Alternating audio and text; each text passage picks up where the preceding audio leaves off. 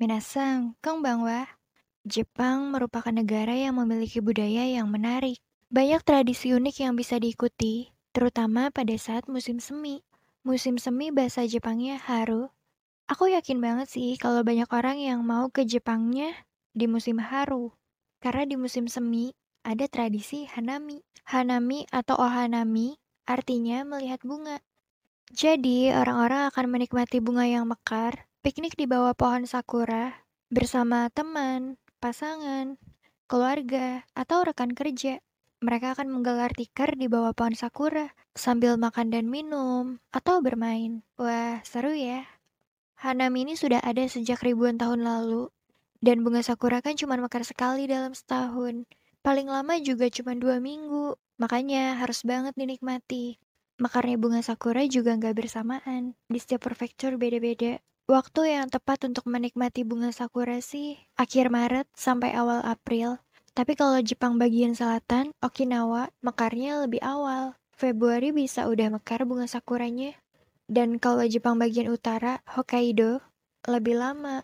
Bulan Mei bisa baru mekar bunga sakuranya. Karena musim dinginnya nggak udah-udah di sana, banyak saljunya. Seluruh Jepang memang memiliki pemandangan terbaik untuk Hanami, tapi memang ada tempat yang memiliki daya tariknya tersendiri.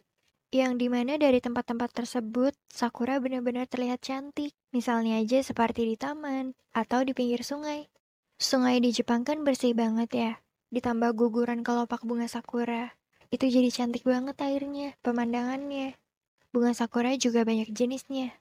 Ada Somei Yoshino, itu adalah bunga sakura yang paling banyak terlihat di Jepang, bunga yang paling populer di mata semua orang.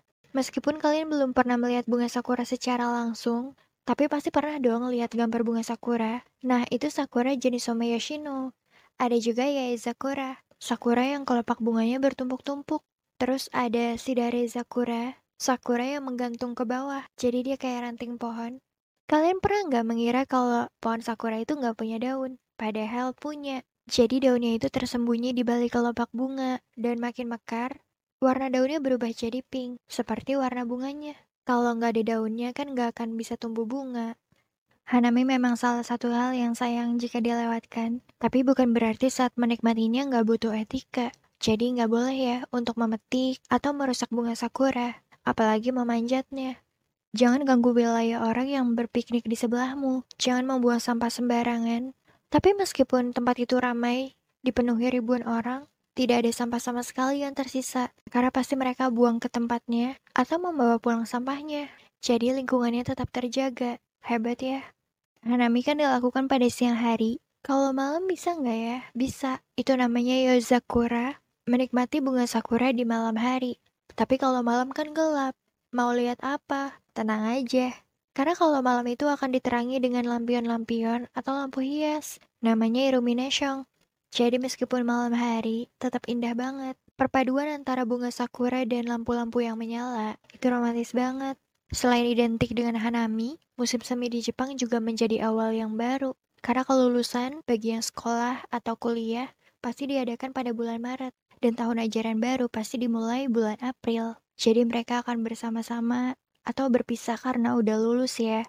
Itu bersamaan dengan waktu mekarnya bunga sakura jadi bunga sakura itu punya makna yang penting banget bagi orang Jepang. Di musim semi juga kalian bisa menemukan makanan-makanan yang memiliki rasa atau berbentuk bunga sakura.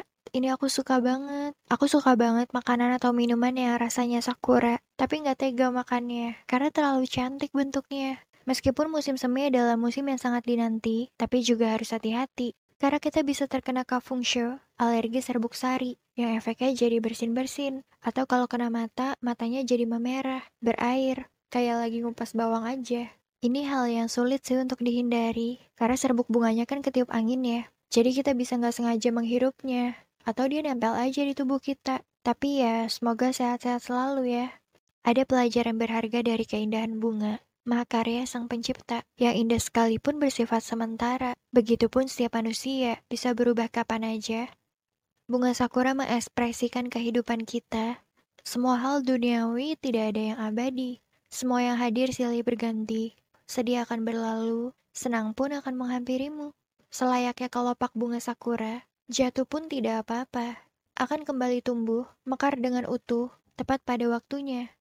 Di balik cantiknya bunga, di balik indahnya setiap warna, pasti memiliki makna di dalamnya. Bukan hanya menikmatinya saja, tapi juga harus menjaganya, tidak merusaknya. Menikmati bunga sakura, hal sederhana yang indah di pandangan mata, damai di hati terasa, alam menampilkan keajaibannya.